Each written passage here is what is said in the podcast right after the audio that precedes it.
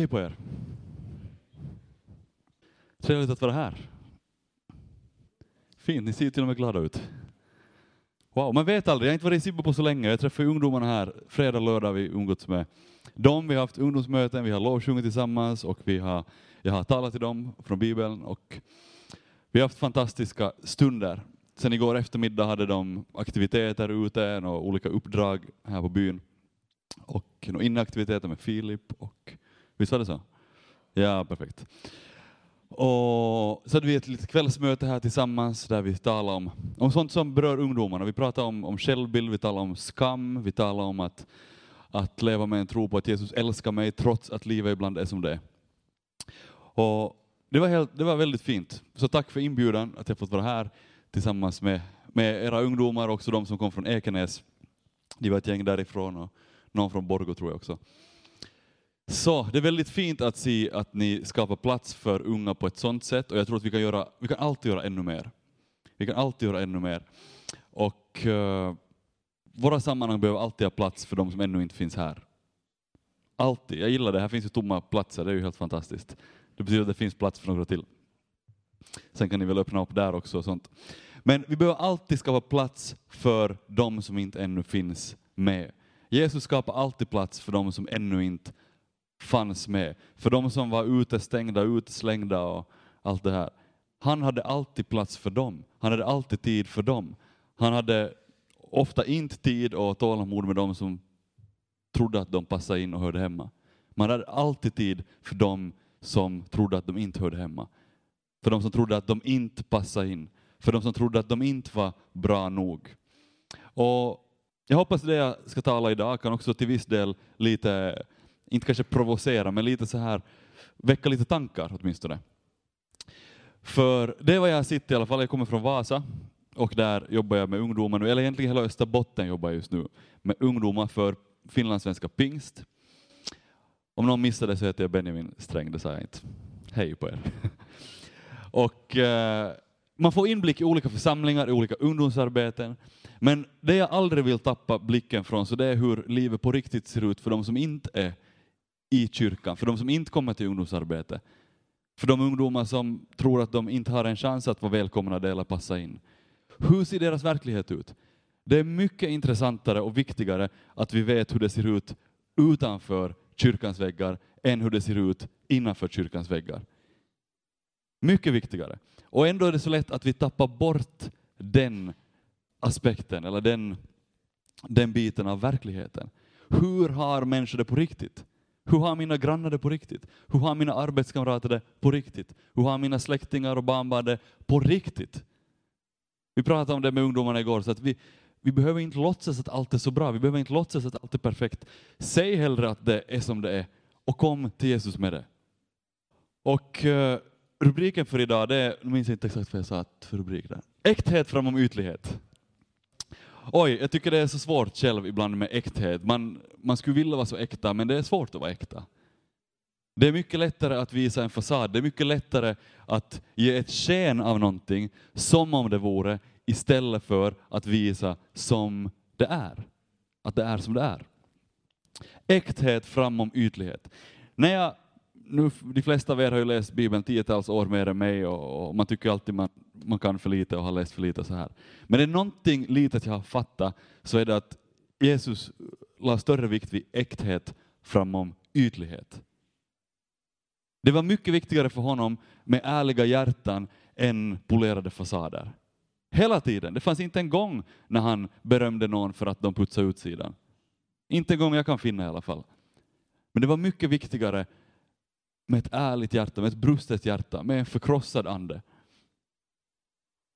Och de människor jag har mött också via våra ungdomsarbete, men också i församlingen, mina jämnåriga som inte är kristna, som studiekamrater som inte varit i kyrkan tidigare. Det jag ser hos dem, vad de behöver, det är så mycket oftare en kristendom som är äkta än en kristendom som är ytlig. Det är så mycket oftare som det finns behov av äkta kristna människor. Där man kan dela också sin börda och sin smärta och, och till och med sin synd. En behov av ytliga kristna som delar sin, jag vet inte vad, sin, sitt perfekta kristna liv. Det är inte så många som är så intresserade av det. om jag har uppfattat saken rätt. Äkthet framom ytlighet. Men ändå är vi väldigt upptagna med oss själva. Vi är ganska upptagna ofta med, med det ytliga och hur saker ska verka och hur det ska, hur det ska se ut när man ser på våra liv. Och det jag, jag uppfattar det som ett, ett jag-fokus, jag uppfattar det som en, en själviskhet. Och jag kan uppfatta det som en, en självcentrering. Vi kommer till kyrkan och vi sjunger om Jesus, men våra liv är ändå ganska centrerade kring oss själva. Och det här gäller mig själv lika mycket. Jag brukar aldrig predika någonting som inte gäller mig själv. Så det här gäller mig lika mycket. Men det är så lätt att leva ett jag-centrerat liv. Det är så lätt att leva ett liv som handlar om vad jag ska få, vad jag ska uppleva, vad jag ska få för ny uppenbarelse, vad jag ska, vilken plats jag ska få sitta på när jag kommer till kyrkan, vilken, vilket instrument jag ska få spela om jag är med i lovsången, vilken, men allt det här, allt vad jag ska få lyckas med, allt vad jag ska få ta mig an. Men jag tror vi har en, lever i en jag-centrerad värld, en väldigt individualistisk värld, som hungrar efter motsatsen. Som hungrar efter äkthet, eh, efter relation och framom allt längtar efter en osjälvisk kärlek, en himmelsk kärlek. Och den är allt annat än jag-centrerad. Jag förklarade åt ungdomarna här igår, Jesus på korset, hur han hade tid för den här rövaren som inte rörde en fena för att bli frälst. Och det räckte. Någonting så fantastiskt i hur Jesus inte lägger fokus på att du ska lyckas lite bättre. Inte lägger fokus på att du ska satsa på dig själv lite mer. Men vi lever ganska jag-centrerade liv. Jag lever ett ganska individualistiskt liv. Jag gör helst det som gynnar mig själv. Och jag gör helst inte det som blir obekvämt för mig. Även om det skulle gynna någon annan. En jag-centrerad västvärld har jag skrivit, som materiellt har det mesta, men själsligt saknar väldigt mycket. Är vi likadana i våra församlingar? Är vi likadana när fast vi har Jesus? Vi samlar på oss, vi ska ha nya upplevelser, vi ska ha nya uppenbarelser, vi ska ha de sånger vi själv gillar mest. Men det finns en värld utanför som längtar efter kristna människor som tar sin tro så på allvar att de är beredda att lägga sig själva åt sidan för att öppna upp för de som ännu inte har blivit välkomnade. En jag-centrerad kristendom som mest handlar om min egen personliga utveckling och nya upplevelser, men som glömmer nästan och som inte har tid för de som Gud älskar. Okej, vi ska läsa ett bibelställe. Jag kan inte bara prata om mina egna funderingar här. Vi ska läsa lite Bibeln. Uh, I Jesaja 58, det här passar på ett sätt bra i i den här tiden. Jag är inte jätteinsatt i fastetiden och inom Pingstkyrkan, vi pratar kanske inte jättemycket om fastan. Och, och, jag måste säga att jag vet inte riktigt om ens om den fastan som beskrivs här är exakt den som handlar om fastan före påsk och så här. Men jag tänker att på något sätt så passar det in. Vad är det vi är ute efter? Hur bygger vi tron? Bygger vi allt kring oss själva eller är vi beredda att sträcka oss lite längre? Så här står det. Ropa för full hals, håll inte tillbaka. Höj din röst som en basun och förkunna för mitt folk deras brott, för Jakobs hus deras synder. De söker mig dag efter dag och vill gärna lära känna mina vägar, som om det vore ett folk som handlar rättfärdigt och inte överger sin Guds domslut. De frågar mig om rätta domslut och vill komma nära Gud. Varför fastar ni när du inte ser det? Varför spekar vi oss när du inte märker det? Men se, på er fastedag sköter ni era sysslor och driver alla era arbetare hårt. Ni håller er fasta med gräl och bråk. Ni slåss med onda nävar. Ni fastar idag, inte på ett sådant sätt så att er röst blir hörd i höjden. Är det en sådan fasta jag vill ha? En dag då människan ödmjukar sig. Att man hänger med huvudet som ett sävstrå och sitter i säck och aska. Kallar du det en fasta, en dag som behagar Herren? Nej, detta är den fasta jag vill ha. Lossa orättfärdiga bojor, lös okets band, släpp det förtryckta fria, bryt sönder alla ok, dela ditt bröd med den hungrige, ge den fattige och hemlösa en boning, klä den nakne när du ser honom och dra dig inte undan för den som är ditt kött och blod. Då ska ditt ljus bryta fram som gryningen och ditt helande växa fram med hast. Din rättfärdighet ska gå framför dig och Herrens härlighet följa i dina spår. Jag har oftast själv läst den här första delen, om att de söker, nej den andra delen, detta är den fasta jag vill ha. Men jag har ofta missat den, andra, den första delen. Och här står ju det att de söker mig dag efter dag och de vill gärna lära känna Guds vägar. Jag tycker det är intressant, för de flesta av oss så vill vi väl söka Guds vägar. Vi vill träffa rätt, vi vill gå den väg som Gud har för oss. Vi är väldigt ivriga på att be Gud visa oss den väg vi ska gå. Och vi vill verkligen inte vika av från den vägen. Vi vill hålla hans stadgar och bud. Vi vill leva på ett sätt som behagar Gud. Men det stämde ju också överens här med dem. De vill så gärna känna mina vägar, som om det vore ett folk som handlar rättfärdigt. Som om de vore ett folk. De kanske inte är ett folk som handlar rättfärdigt, men de vill så gärna vara ett folk som om de handlar rättfärdigt. Och så säger han, ni slåss med onda nävar, ni fastar, men med gräl och bråk. Alltså det, de här kontrasterna, ni vill så gärna fasta, ni vill så gärna göra det som är rätt i Guds ögon, men samtidigt driver ni de, era, era arbetare hårt, de som ni är bossar över. Ni grälar och bråkar med de som är nära och kära. Det är, liksom, det är så paradoxalt, man vill det ena och så gör man det andra. Det är som Paulus som säger att det goda som jag vill det gör jag inte och det onda som jag inte vill det gör jag. Det är liksom, man dras och slits. Och på ett sätt är det ju det här som det handlar om också. Ni fastar inte idag på ett sådant sätt att er röst blir hörd i höjden. Det känns lite jobbigt att fast jag gör det där goda, kanske det som jag tänker att Gud vill att jag ska göra. Tänk om jag gör det på ett sätt så att det inte ens hörs i höjden. Tänk om jag gör det på ett sätt så det inte behagar honom.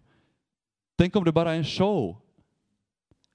Jag gör vissa ytliga grejer, men inte de äkta grejerna. Jag gör vissa nästan ritualer.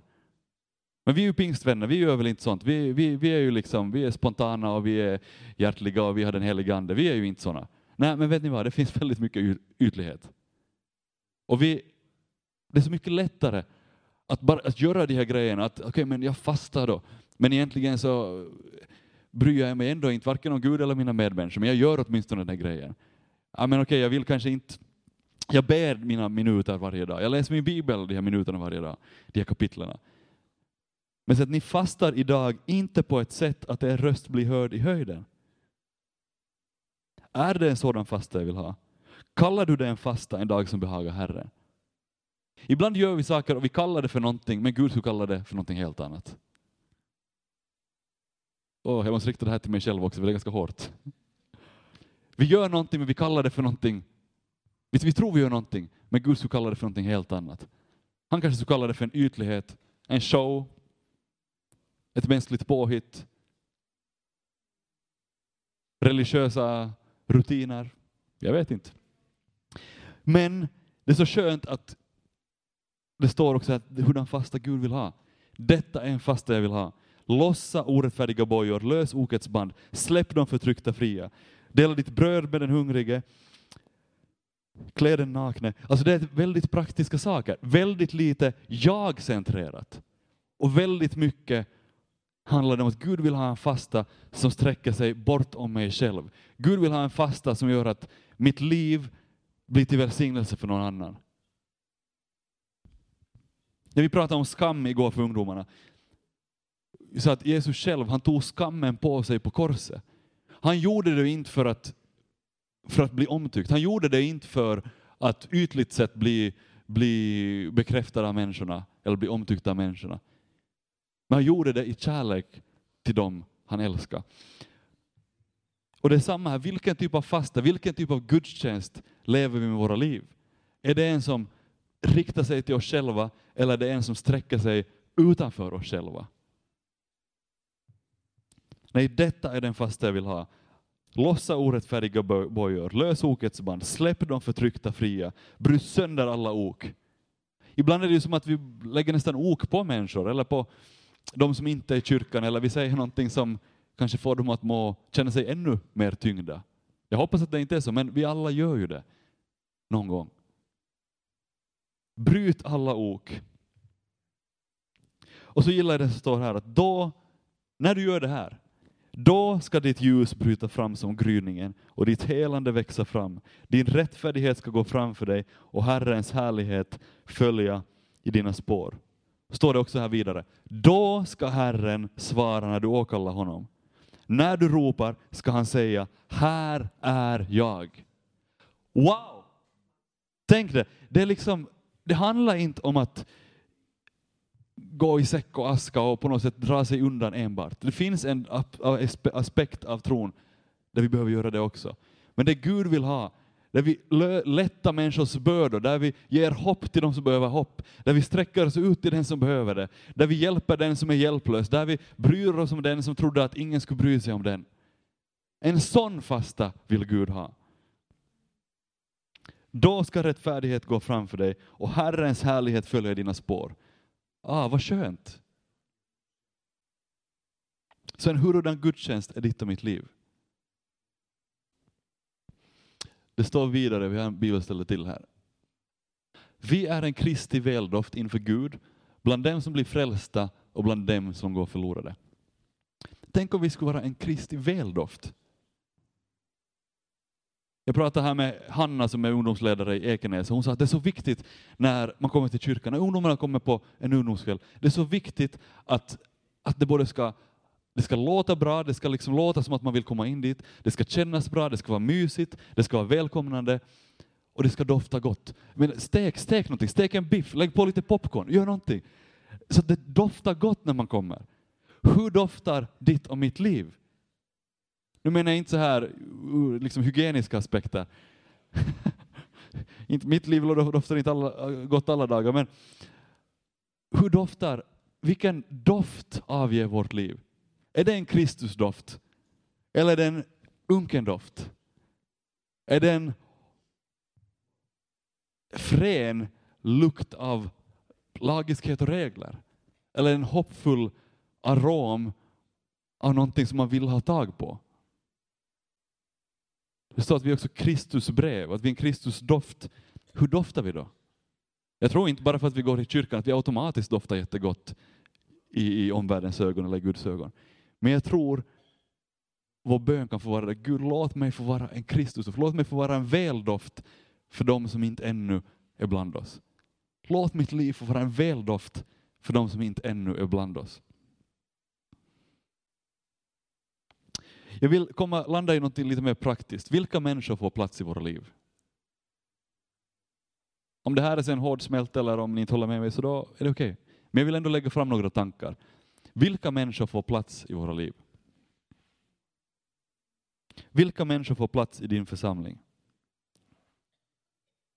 Och jag skulle vilja påstå som så att om en människa är välkommen i ditt liv, då kommer den människan också att vara välkommen i din kyrka. Om en människa är välkommen i ditt liv, då kommer den människan också vara välkommen i din kyrka. Men om en människa inte får plats i ditt liv, då kommer den människan knappast vara intresserad av din kyrka heller. Om vi har plats för människor i våra liv som inte delar samma uppfattningar, som inte kanske håller med oss i alla andliga termer och krumelurer. Om vi har plats för dem, det må vara en släkting, ett barnbarn, det må vara en granne eller en arbetskamrat. Finns det plats för dem? Jesus hade alltid plats för dem. Hans liv doftar gott för dem, men hans liv stank i de religiösa ögon. För vems liv doftar, för vem, vems, för vem doftar ditt liv gott? Är det för de som ännu inte har platsat in? Är det de som ännu aldrig har satt sin fot i kyrkan? Eller är det för de som alltid har varit inneslutna i Guds familj? Om en människa inte får plats i ditt liv, då kommer den människan knappast vara intresserad av din kyrka. Vi pratade igår om det, att hur kan vi göra för att nå liksom unga människor eller nå människor runt oss med, med det Gud vill ge dem. Och då var det någon som sa, jag tror det var gruppen, Filip var ju med här också igår, som sa att öppna upp liksom våra hem och våra liv, bjuda hem någon. Det är ibland mycket lättare för oss att säga hej, välkommen med till kyrkan. Det är mycket svårare att säga hej, välkommen hem till mitt matbord. Lasagnen står varm. Tack Benjamin och Lina, jag fick äta lasagne hos dem. Lasagnen står varm, välkommen hem till oss. Det är mitt i veckan. Det är ingen festlig lördagkväll med en stor dukning, men hej, välkommen hem till mig. Om du behöver mat, om du behöver sällskap, om du behöver omsorg, om du behöver en vän, kom hem till mig. Vilken doft ger ditt liv? Dofta lasagne, det är väldigt bra. Dofta popcorn i kyrkan, det är också väldigt bra.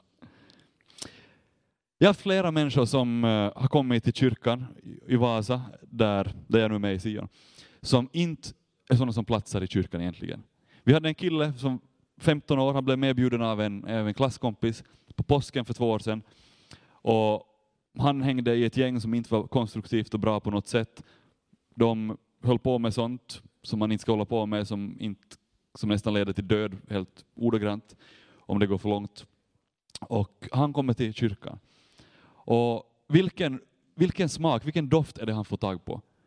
Jo, det är en av de äldsta i vår kyrka, eller det är en av de äldre i vår kyrka, som möter honom och säger till honom, jag vet inte ordagrant, men han, han har sagt flera gånger att det var det där som fick honom att komma tillbaks. Det var inte att vi hade ljus och en värsta showen, utan det var hur han blev bemött. Ibland tycker vi om att göra det ytligt och fint, och vi ska satsa på det som syns och hur saker liksom känns och ser ut. Men för honom, det som spelar störst roll, det var att Kerstin hade pratat med honom. Kerstin hade stannat upp, för han var van att när äldre människor möter honom på gatan så byter de sida av vägen. För de visste vem han var, de hade sina uppfattningar om vad han höll på med. Så han var inte van att en äldre kvinna, som borde vara rädd för honom, stannar upp och säger, vad roligt att du är här. Wow! Vilken väldoft! Vad var det för doft han fick? Det var inte en frän doft av religiös unkenhet som säger att ta av mössan när du kommer in i kyrkan. Nu för tiden, två år senare, han är med och spelar i vår lovsångsteam och han har alltid mössan på sig. Men han är i vår kyrka, han skulle kunna vara helt annanstans. Han kände en väldoft, han kände en Kristusdoft. Han fick någonting genuint och äkta. Och det var inte av ungdomsledaren, det var inte av någon i hans ålder, utan det var av Kerstin, 70 plus. Wow. Jag tänker på min vän som var uppvuxen i Helsingfors och aldrig varit inne i en kyrka. Som kom till kyrkan, det var midvinterveckan, husera i, i Sion, och vi var in för att hämta vi hade efter nyårsfest och så var vi in nästa dag bara för att jag skulle hämta någonting, sa jag åt honom, men kom med mig. Vi går in och ser, det är lite happening på gång där. Kom med. Han sätter sig ner. Jag var själv lite osäker på om predikan där i mötet skulle passa honom. Men vet ni vad, det spelar ingen roll. För att han var välkommen in i kyrkan. Han kände inte att någon såg ner på honom. Han kände inte att någon var emot honom. Han kände att han fick komma in som han är. Han jobbar annars som DJ på en bar i Vasa. Och han kommer in och sätter sig. Han är finskspråkig, min finska är inte den bästa. Jag försöker översätta predikan åt honom. Jag tänker att Gud, om han fattar någonting så då är det ett under. Jag översätter åt honom några knaggliga ord, hittar på lite eget också som jag kunde på finska, sa typ att Jesus älskar honom och sånt. Och någonting händer i den atmosfären. Han har aldrig varit i en kyrka. Efter en stund säger han, Benjamin, vi måste gå ut. Han klarar inte av atmosfären. Det var en, det var en så stark doft för honom. En god doft, men han kände inte igen den. Och säger han att jag tror vi måste gå ut. Jag skymtade tårar i hans ögon. Någonting hade hänt. Han hade aldrig varit inne i en kyrka. Kanske när han var fyra, fem år. Uppvuxen i sammanhang och en familj som aldrig riktigt kyrkan. Han sa åt mig efteråt, vet du hur det kändes när jag var där? Det kändes som när jag var liten och låg i en vagga. Det var så tryggt. Det var, så, det var något så underbart. Jag har aldrig, inte sedan jag var liten, fyra, fem år, har jag känt mig som jag kände mig när jag var där. Han tog inte emot Jesus, han, han har inte kommit tillbaks. Men han lever på den där känslan fortfarande. Han vet att den dagen han vill komma tillbaks, han minns hur det doftar, han minns hur det smakar, han minns att det fanns plats för honom. Jag och han, vi delar totalt olika uppfattning om livet och hur man ska leva sitt liv. Men varför fokusera på det? Varför lägga sitt fokus på att vi lever olika? Varför inte hitta det som är gemensamt för oss? Det finns mängder av de här människorna och jag hoppas och ber, det är min bön, att vi ska ha plats för dem. Om de har plats i våra liv så kommer de också vet att de är välkomna i våra kyrkor. Äkthet framom ytlighet. Vi är en Kristi väldoft inför Gud bland de som blir frälsta och bland de som går förlorade. Vilken doft har din församling? Vilken doft har våra liv? Hur smakar ett hoppfullt budskap? Smakar det som en ostekt rå biff som man blir sjuk i magen av? Måste ha ledigt från jobbet nästa dag för det inte gick att smälta? Eller smakar det som en välgjord måltid? Hur smakar ditt och mitt liv? Det satt några ungdomar utanför kyrkan i Vasa. De satt och drack alkohol och satt och rökte, laddade sin telefon i kyrkans eluttag på utsidan. Jag bor ganska nära så jag gick förbi och tänkte att hoppas inte de saboterar någonting, hoppas inte de förstör någonting. Men jag tänkte att det de väntar sig i det här läget, det är väl att någon religiös ja, religiös person kommer förbi och säger att här får ni inte sitta. Ni skräpar ner, ni röker bredvid kyrkan, det är inte okej. Okay. Men vet ni vad, jag snabbt, snabbt måste tänka att okay, hur ska jag bemöta dem? Så att de, när de tänker på kyrkan, när de senare i sitt liv längtar efter Gud, så vet de att här fick de sitta och göra det de gjorde. Ofrälsta, fantastiska, älskade av Gud. De tror de var så långt borta, men de var så nära. De satt bredvid kyrkan. De är inte långt ifrån från Gud, fast de kanske tror det. Men så tänkte jag, att vad kan jag göra för dem så att de får bara bli chockerade? Ibland ska man chockera lite. Så tänkte jag att nej, men, jag kan ju gå dit och prata med dem, det är väldigt okej. Okay. Men jag tänkte på det här, vilken doft kan... Hur doftar evangeliet? Hur doftar ett hoppfullt budskap? Hur doftar ett hoppfullt liv? Och jag bor bredvid, bredvid kyrkan, väldigt nära. Så jag sa, okay, men jag springer upp och ser om jag har något i skåpet. Jag tror jag inte ens hade gått och pratat med dem då ännu. Jag tror jag såg dem och så sprang jag snabbt hem. Och så yes, jag har en påse opoppade popcorn. Okej, okay, jag poppar dem. Så poppade jag popcorn, det var en så kall kväll också.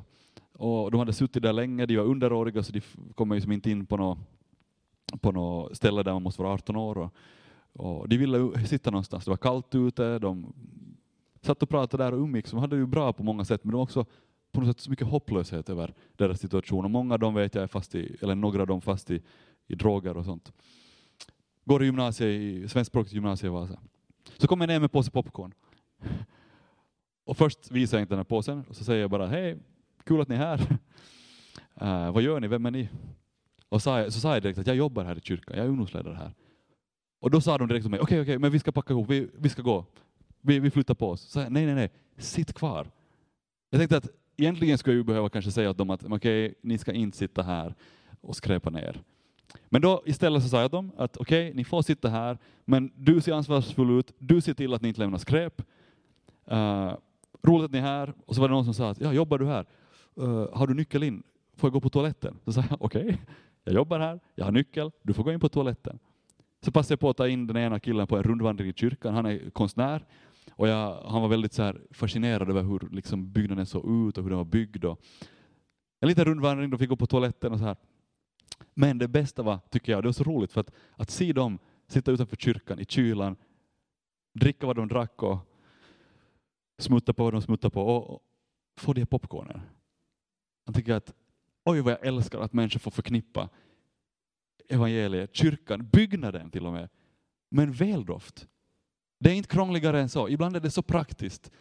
Vi kan sitta hemma och be för den ena och den andra, men vi kan också säga att hej här, ta och ät. Jesus var väldigt fysisk. Han bröt brödet och han gav bägaren och sa det här är min kropp, det här är mitt blod, det är givet för er. Popcornen var deras första nattvard kanske, vem vet? Ja. Så hur långt är vi beredda att gå för att ge en doft av evangeliet? Utan massa extra tillsatsämnen, utan massa extra, utan bara evangeliet i sig doftar gott. Men hur kan vi få det att nå fram till de som behöver få dofta på det, behöver få smaka på och se att Gud är god? Jag tror jag lämnar det med den tanken. Vi tar till sist en vers här. För det här påminner oss om att vi också är i samma behov av samma nåd som vem som helst. Av nåden är ni frälsta genom tron, inte av er själva. Guds gåva är det, inte på grund av gärningar, för att ingen ska berömma sig. Hans verk är vi, skapade i Kristus Jesus till goda gärningar som Gud har förberett för att vi ska vandra i dem. De här ungdomarna satt där en månad senare. Och jag hade också då en popcornspåse extra hemma. Och de var så här, hej det är du som kommer med popcorn varje gång vi sitter här. Gud förbereder gärningar för oss som vi får vandra i. Och jag hoppas det här inte låter som att det är fokus på vad jag gjorde för dem. Det var verkligen, jag kände bara att det här är så mitt i prick för vad de behöver.